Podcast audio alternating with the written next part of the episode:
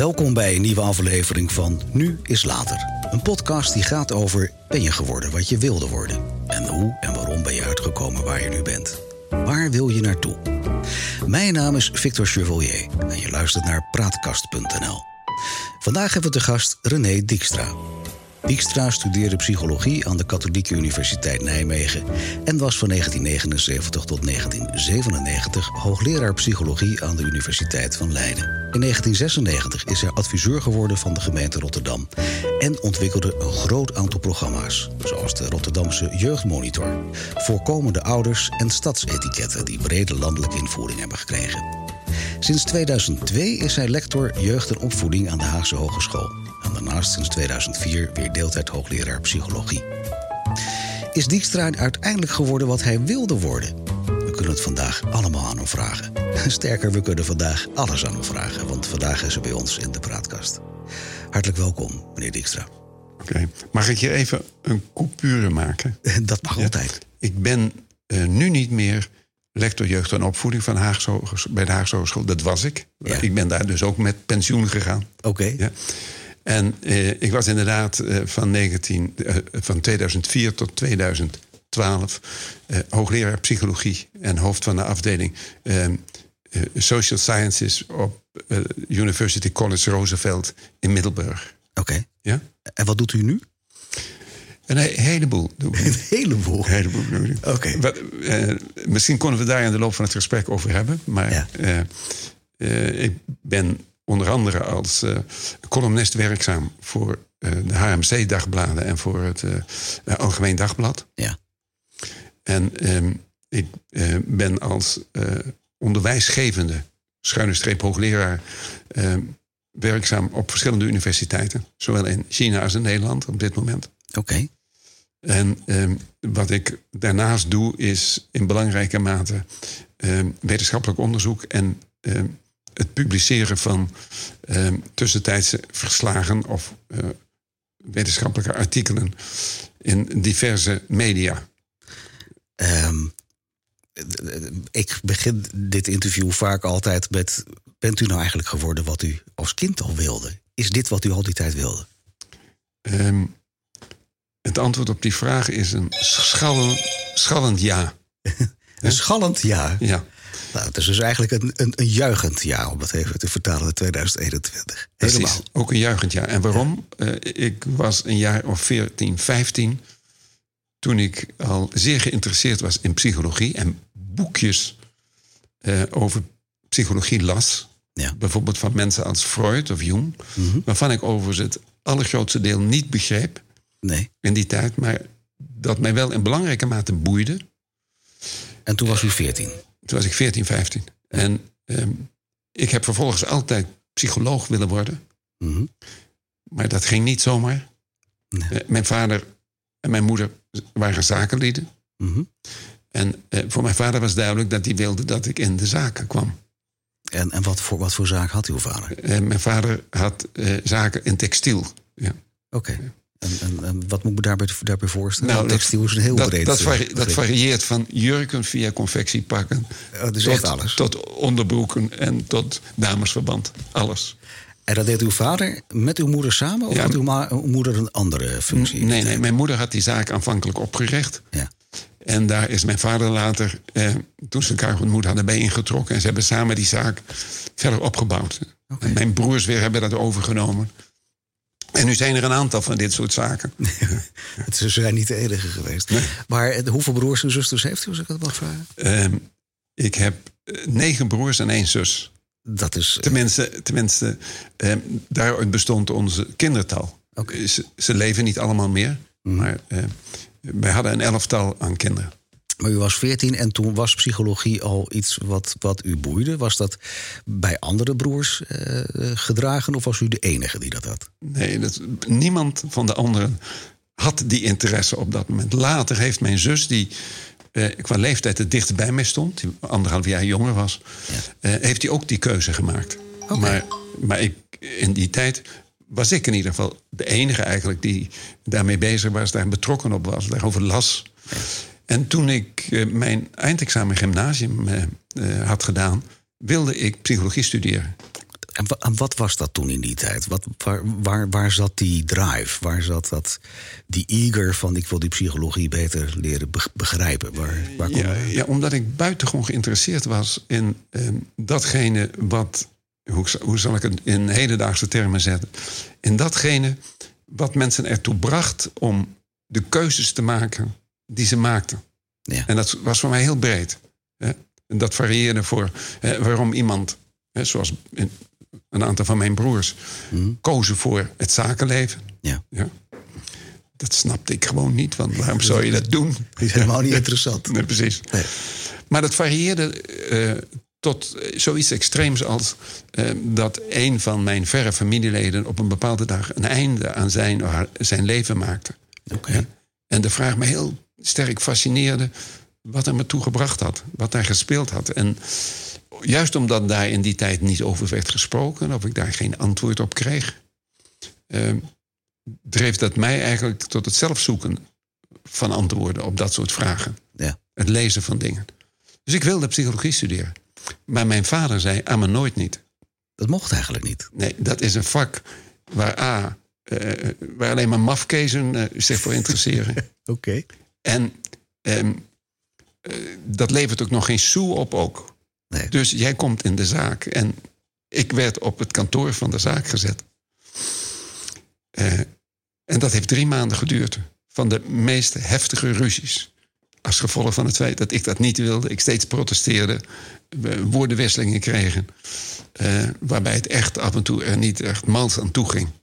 Hoe oud was u eh, in die periode? Toen was ik 17. 17. Oké. En ehm, totdat mijn vader op een gegeven moment toch met een soort van, zou je kunnen zeggen, compromis kwam. Ja.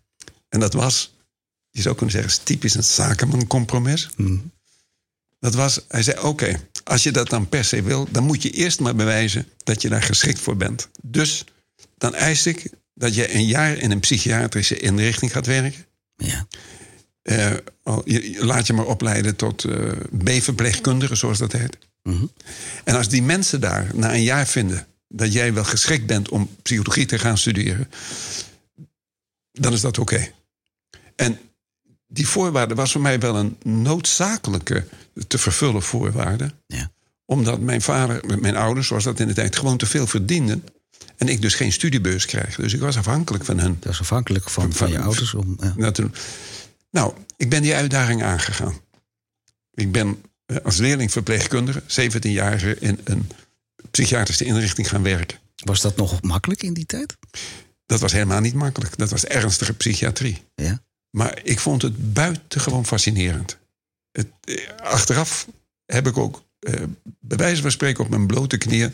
mijn vader en mijn ouders bedankt voor het feit dat ze die eis hadden gesteld. Dat, dat dat jaar ertussen zat. Ja. en de reden daarvan was is... ik werd met allerlei ziektebeelden geconfronteerd... waar ik aanvankelijk van tevoren helemaal niks van wist. Ik werd eh, geconfronteerd met, met mensen die bezig waren om andere mensen... die ernstig psychisch ziek waren, zoveel mogelijk te helpen. Ja. Ik werd geconfronteerd met bijvoorbeeld... eh, een van de jonge patiënten waar ik veel mee optrok... eh, die op een gegeven moment kort na ontslag zijn eigen leven beëindigde. Nou, ga maar door. En ik werd geconfronteerd met het feit dat ik soms ontdekte dat symptomen van bepaalde stoornissen, dat ik die volgens mij ook had. Ik wou het net gaan vragen, want wat, Ja. in hoeverre word je op die leeftijd dan, dan, dan, dan werd u met uzelf geconfronteerd daar? Nou, dat was niet helemaal waar. Eh, Bijvoorbeeld als een psychiater tijdens een, een les voor psychiatrie voor verpleegkundigen uitlegde dat een bepaalde psychische stoornis, schizofrenie, dat dat gepaard ging met eh, bepaalde symptomen, dan dacht ik soms, oh, eh, bijvoorbeeld wat dan heet eh, het feit dat je je niet kunt inleven in de gevoelens van anderen, hè, dat kunnen dat soort mensen moeilijk. Dan dacht ik wel eens, ja, dat heb ik eigenlijk ook. Ik, ik, ik voel dat ook niet. En dan ging ik s'avonds op mijn kamer, ik was intern natuurlijk, dat was toen zo, eigenlijk zitten wachten tot ik mijn eerste psychotische aanval zou krijgen. Echt? En die kwam dan niet. Nee. Dus kwam ik tot de conclusie op een gegeven moment dat ik me eigenlijk het te zeer had aangetrokken. Ja.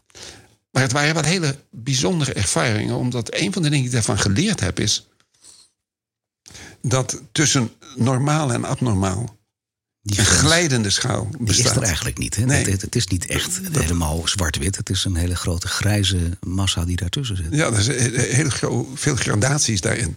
Ja. En, in, en in die tijd dat ik daar werkte, betekende, betekende dat voor mij dat mijn interesse eigenlijk alleen maar toenam. Ja? Ja? Want in bepaalde beperkte opzichten eh, zag ik overeenkomsten met sommige van de patiënten waarmee ik werkte. Maar die overeenkomsten waren niet volledig. Ja? En de een eh, overleeft dat wel of ontwikkelt zich wel... en de ander ontwikkelt zich niet of loopt vast in de ontwikkeling. Dit soort dingen. Dus met andere woorden, allerlei kwesties die in de psychologie en in de psychiatrie van belang zijn... kwamen bij mij eigenlijk al in dat jaar voor een stuk voorbij. En dan gebeurt er iets buitengewoon verwonderlijks. Dan mag ik gaan studeren aan de universiteit. Ja. En dat was dus één jaar later. of zat er meer, meer tijd Eén jaar nou, nee, één, anderhalf jaar ongeveer. Anderhalf jaar, oké. En dan zit hij in een collegezaal en er staan daar voor de collegezaal docenten die dingen vertellen waarvan ik wist dat het gewoon niet klopt. Omdat, omdat u in de werkelijkheid had gezien dat het anders zat. Ja, precies. Freud was nergens te bekennen in de psychiatrische inrichting waar ik werkte. En ook zijn opvattingen niet. Ja? En allerlei dingen die een aantal van die docenten die zelf nooit in de praktijk hadden gestaan, daar vertelden, waren uit de verband gerukt of waren overdreven of klopten niet. En wat gebeurde met u dan op dat moment? Ik vertelde dat soms tegen sommige van mijn medestudenten. Ja. Maar ik besloot vaker om eh, wat dat betreft eh, alleen maar ermee te bemoeien. op het moment dat ik dacht dat ik dat min en meer constructief kon. Dus ik wilde me niet eh, als een uitzondering in de collegezaal met betrekking tot vragen of opmerkingen manifesteren. Ja. Maar dat had wel één belangrijk voordeel. Want eh, door het feit dat ik soms dingen vertelde eh, of eh, sommige dingen benoemde waarvoor voor de betreffende docent gold dat het eigenlijk in de roos was, leidde dat ertoe dat bijvoorbeeld een van die docenten op een dag naar mij toe kwam. Ik was er toen al ongeveer een jaar. En die zei: Zou jij een tijd bij mij studentassistent willen worden voor dat, dat project? Nou, dat heb ik dan ook gedaan. En dat betekende dat u op een bepaalde manier als een soort pareltje gezien werd die het heel goed snapte. Nou, voor, mij, voor mijn gevoel was het toch meer. Het betekende dat ik financieel onafhankelijker werd van mijn vader. Dat was een heel ander motief dat er persoonlijk achter zat. Ja, dat, Maar- dat inhoudelijk wa- was het ook van belang. Ja. Maar het, wat, wat crucialer was voor mij was het feit eh, dat ik inderdaad blijkbaar dingen aanstipte. Ja. Die niet zo ver bezijden de realiteit of de kennis die op dat moment bestond, eh, eh, lag. En eh, dat heeft ook gemaakt dat ik als een speer door mijn studie ben gegaan. Ik studeerde als eerste van mijn jaar af, ruim een jaar eerder dan de, de eerstvolgende. Ja. Werd vrijwel onmiddellijk ook benoemd tot assistent, ja, wetenschappelijk medewerker. Maar dat klinkt ook alsof u in die periode enorm eager was om al die informatie tot u te Dat nemen. klopt, dat klopt. Dat, dat was ook zo. Zelfs zo eager dat ik bijvoorbeeld besloot... je moest een scriptie schrijven. hè. Eh, en dat deed ik voor eh, binnen de hoofdrichting klinische psychologie. Maar dat vond ik zelf te weinig. Dus toen zei ik tegen mijn docent sociale psychologie... ik wil ook een scriptie sociale psychologie... over hetzelfde onderwerp schrijven. Nou, die vond dat prachtig. En die eh, hielp mij daar ook mee... en gaf mij steun en feedback en dat soort zaken. Terwijl dat helemaal niet nodig was. Als, Maar, maar zat er ook in die tijd al, al iets achter dat u iets wilde bereiken daar uiteindelijk mee? Wilde, wilde u iets veranderen in, in de psychologie of de psychiatrie? Nee, eh, dat niet. niet, niet als, zeker niet als hoofdmotief. Ehm, eigenlijk was het zo dat mijn, laat maar zeggen, hang naar kennis, en dat is nog altijd zo, eigenlijk onverstaanbaar was. Ik las alles wat los en vast zat. En dat is nog zo, begrijp En dat is nog zo. Als u die twinkeling in uw ogen ziet, dan, Ja. dan bent u daar nog steeds mee bezig. Ik heb hier achter een garage staan. Als, u, als ik u die laat zien, dan ziet u dat daar ongeveer nou, tussen de 4 en de 5000 boeken staan. Die in de loop van de tijd op het gebied van de psychologie door mij zijn verzameld. Naar ik zelf meen, voor het grootste gedeelte ook gelezen. Ja. Maar echt een hele reflectie van allerlei aspecten. Van, eh, laat maar zeggen, die onverzadigbare drang naar kennis. Maar zit daar een aspect in wat u, wat u in hoge mate boeit? Waarvan u zegt van daar zit voor mij een speerpunt in? Eh, niet één, maar er zijn er meerdere. Eén één is ehm, eh, datgene, en dat is tot op de dag van vandaag zo, ik kom daar zo even op terug. Eén is dat ehm, het verschijnsel zelfdoding Mhm. is als raadsel, raadsel van de mens, van de mensheid, tot op de dag van vandaag nooit adequaat opgelost. En dat verschijnsel heeft mij vanaf het begin af aan al heel erg bezig gehouden. Die Mijn, kwam mijn, ook mijn, in- kwam ook in- kwam ook ons gesprek al heel snel naar boven. Dat ik Exact. gezegd had dat, dat dat u boeide. Ja, zo, dus een van de dingen. U vroeg mij zo straks, wat, wat doet u op dit moment? Ja. Een van de dingen die ik nu doe is. Eh, met een internationale uitgever. de International Handbook of Suicide samen te stellen. Ja. En, En daar heeft u ook een bepaald doel bij? Ja, omdat ik, ik geloof dat het echt hoog tijd wordt dat wij eh, leren inzien dat zelfdoding de doodsoorzaak is van alle doodsoorzaken met de grootste toekomst. En dat we ons met betrekking tot die toekomst. Die klinkt heel erg ingewikkeld. Is dat waar? Ja. Dus de doodsoorzaak met de grootste toekomst wil zeggen dat in de toekomst de meeste mensen hun, aan, aan het eind van hun leven dat leven zelf zullen willen beëindigen op het tijdstip waarop het hen het beste bevalt of uitkomt of eh, van toepassing is of het beste Maar dan heeft u het eigenlijk over het voltooid leven, begrijp ik. Nee, dat hoeft niet voltooid leven te zijn. Dat is ook een, dat is ook een iets wat misleidende term. Ja? Oké. Want ehm, zo gauw je gaat discussiëren over de vraag... wanneer is een leven voltooid? Ja. Ja? Dan kom je onmiddellijk in ernstige moeilijkheden. ja, dat denk ik ook hoor. Want, want het enige antwoord zou kunnen zijn... wanneer iemand vindt dat dat voltooid is. Precies. Maar het zou heel goed kunnen zijn... dat hij nog dingen bij te dragen heeft. Ja? Mhm. Op grond van talent of andere zaken. Ja? Die eigenlijk niet meer gerealiseerd worden... doordat hij ehm, besluit een einde te maken aan zijn of haar leven. Ja. En wij daardoor iets wat mogelijk zou zijn geweest missen. Mhm. Maar hij- hij of zij daar ook de gemeenschap iets onthoudt. Wat hij had kunnen geven. Ja. Nou, ik zeg niet dat hij dat had moeten geven, maar had kunnen geven. En dat we bij de discussie over wat voltooid leven is, dit soort vraagstukken niet alleen moeten betrekken, maar ook moeten proberen met elkaar op een zo juist mogelijke, integer mogelijke manier eh, te bespreken, uit te bediscussiëren, tot Ja. conclusies te kunnen komen. Eh, en dat niet simpel op grond van voltooid leven is, wanneer jij dat zo vindt.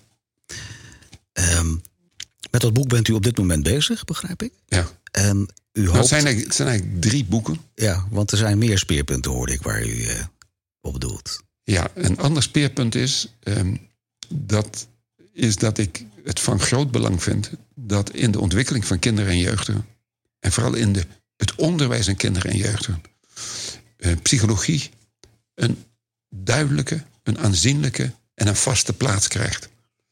Binnen de Dat moet, opleiding in het onderde- algemeen. dat moet onderdeel van ons basis- en voortgezet onderwijs worden, als vak. En waarom vindt u dat? Eh, omdat naarmate jonge, eh, kinderen en jongeren meer weten en begrijpen van hun eigen psychologische ontwikkeling, Mhm. ontwikkelen ze zich psychologisch en emotioneel ook beter dan wanneer dat niet het geval is. U bedoelt te zeggen, als ze het beter snappen, dan, dan, kunnen ze dat beter toepassen in hun verdere Ja. leven. In hun eigen leven en daardoor begrijpen ze anderen ook beter. Ja. En niet alleen dat, maar dan blijkt ook uit allerlei studies eh, dat ze ook eh, in schools opzicht, dus in de ontwikkeling van hun opleiding, beter prestaties halen. Ja.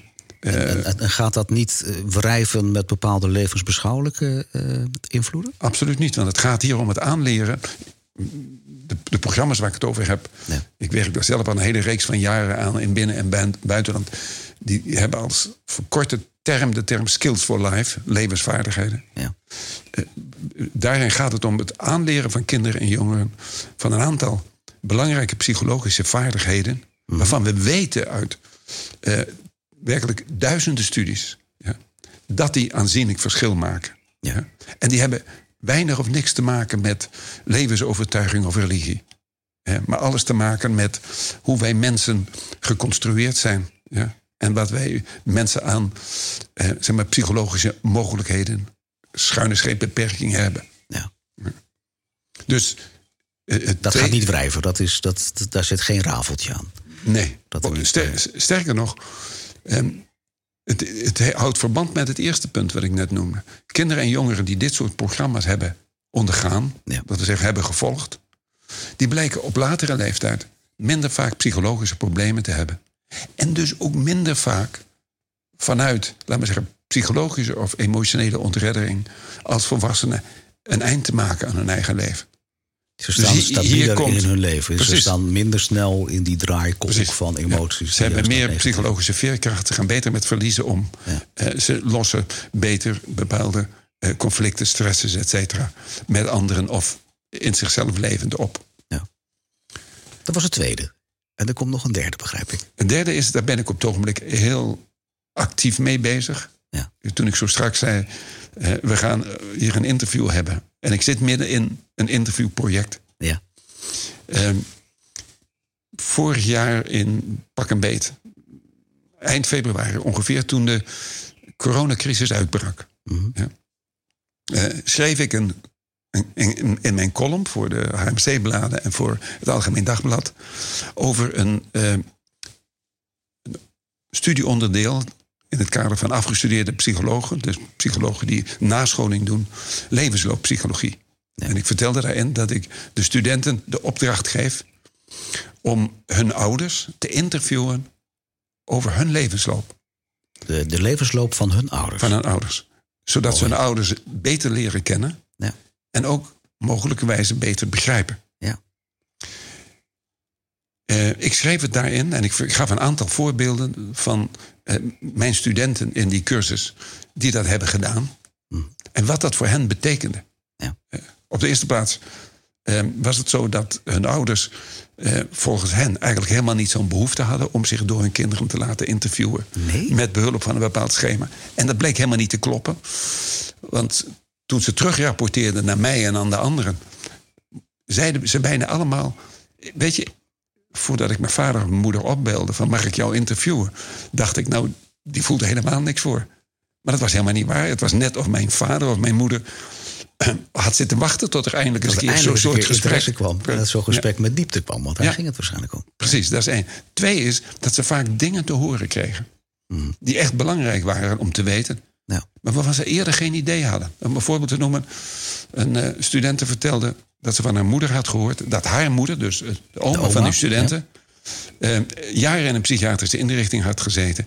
en tenslotte zelf een einde aan haar leven had gemaakt. ook al. En dat haar moeder eh, eigenlijk al vanaf het moment dat zij klein was, en haar broers en zussen ook, altijd met de angst had geleefd dat een van die kinderen dezelfde psychische problematiek zou ontwikkelen als Ja. die haar moeder had gehad, Ja. et cetera. Ja. En dat dat in belangrijke mate ook haar interactie met, met kinderen en hoe ze eh, naar de kinderen keek had bepaald. Ja. of mensen zo dramatisch.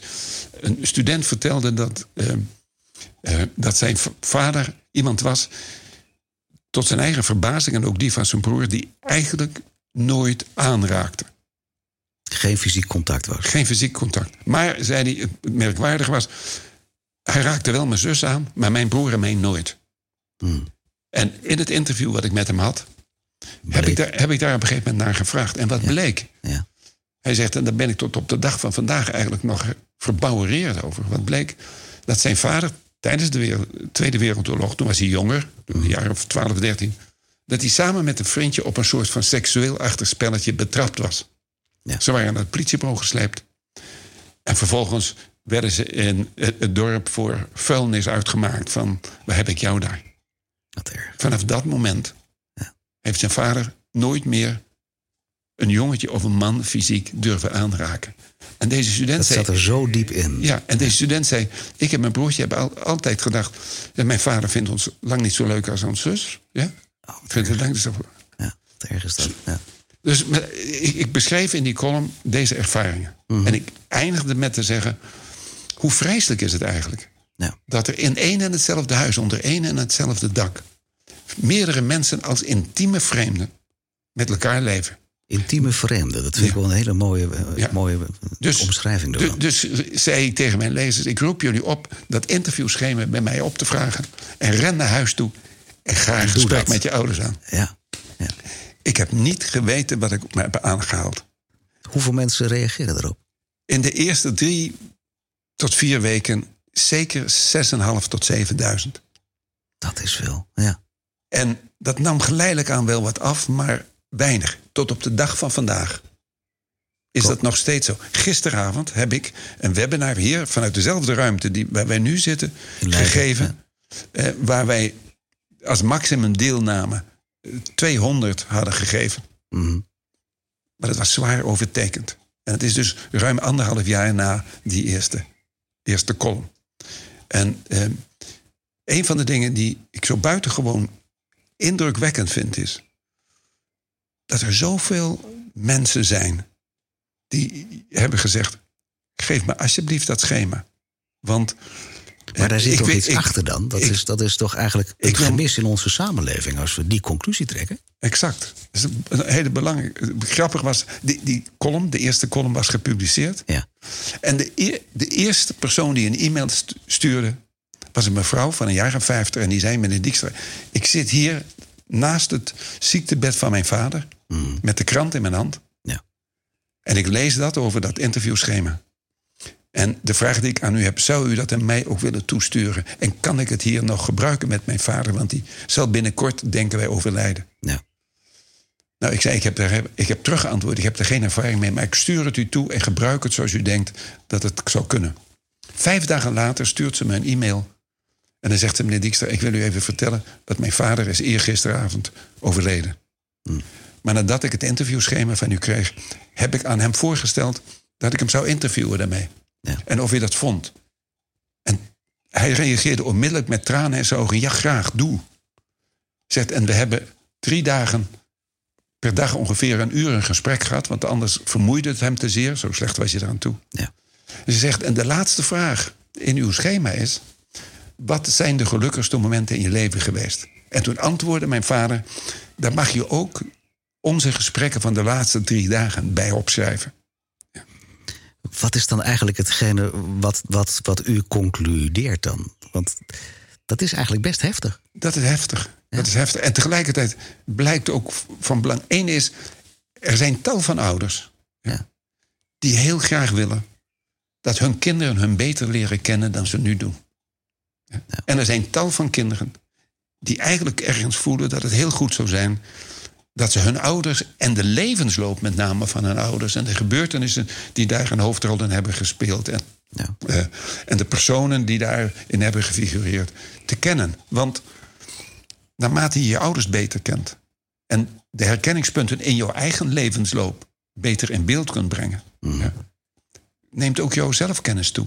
Ja. Niet alleen je kennis van de voorafgaande generatie, maar ook jouw kennis met betrekking tot jouw eigen persoon, persoonlijkheid, keuzes, et cetera.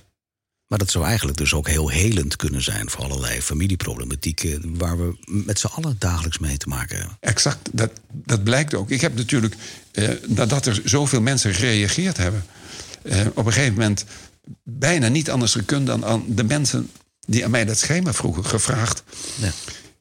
Vertel me je ervaringen ermee. Vertel me wat het heeft opgeleverd in het opzicht. En ik heb inmiddels stapels van dit soort ervaringen.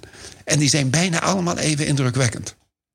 Maar wat is de kern daar dan eigenlijk in? Want de kern zou dan toch eigenlijk kunnen zijn, als je de conclusie zou mogen trekken, dat wij eigenlijk van mens tot mens, zeker in familiesystemen, onvoldoende communiceren met elkaar. Het niet over essentiële gevoelszaken Dat mag je toch zeggen? Dan? Dat mag je in belangrijke mate zeggen. Dat, eh, je zou kunnen zeggen dat onze verering... en ik gebruik nog maar even een antropologische term... onze verering van de voorafgaande generaties... Ja. die is in de cultuur waarin wij terecht zijn gekomen... volledig verdampt. Ja? We hebben eigenlijk elkaar verteld... dat onze ouders en hun levensloop niet zo interessant is... voor ons leven en onze toekomst. En dat is een kardinale fout. Dat is natuurlijk absoluut niet waar. Eh, maar dat is een typisch, je zou eens kunnen zeggen, bijna westers culturele fout. Er zijn nog steeds, steeds minder, nog steeds volkeren, stammen, waar dat contact met die voorouder, of die voorouders, het kennen daarvan, het begrijpen wat dat voor je eigen leven en voor je eigen keuzes kan betekenen, nog steeds aanwezig is. Waar bij ons in de westerse wereld is Steeds, dat min of meer maar wij, in dat opzicht zijn we dus, je zou, je zou kunnen zeggen, psychologisch echt armoedig. En dat is wat ik iedere keer als ik een seminar houd, of een webinar, net zoals gisteravond, en mensen vragen terug te melden, hoor.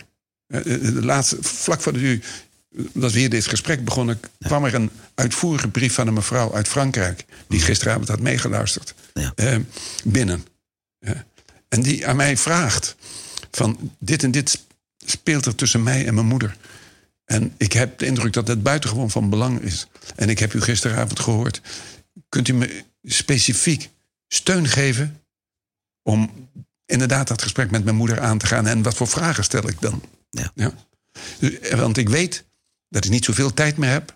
Zo lang zal ze niet meer leven. Maar ik weet wel dat als ik het niet gevraagd zal, gevraagd zal hebben, als zij overlijdt, dat er een groot gat, als het ware, ja, Qua kennis in mijn leven, zit. qua kennis, dat er geen closure. Is gekomen, terwijl die er mogelijk wel kan zijn.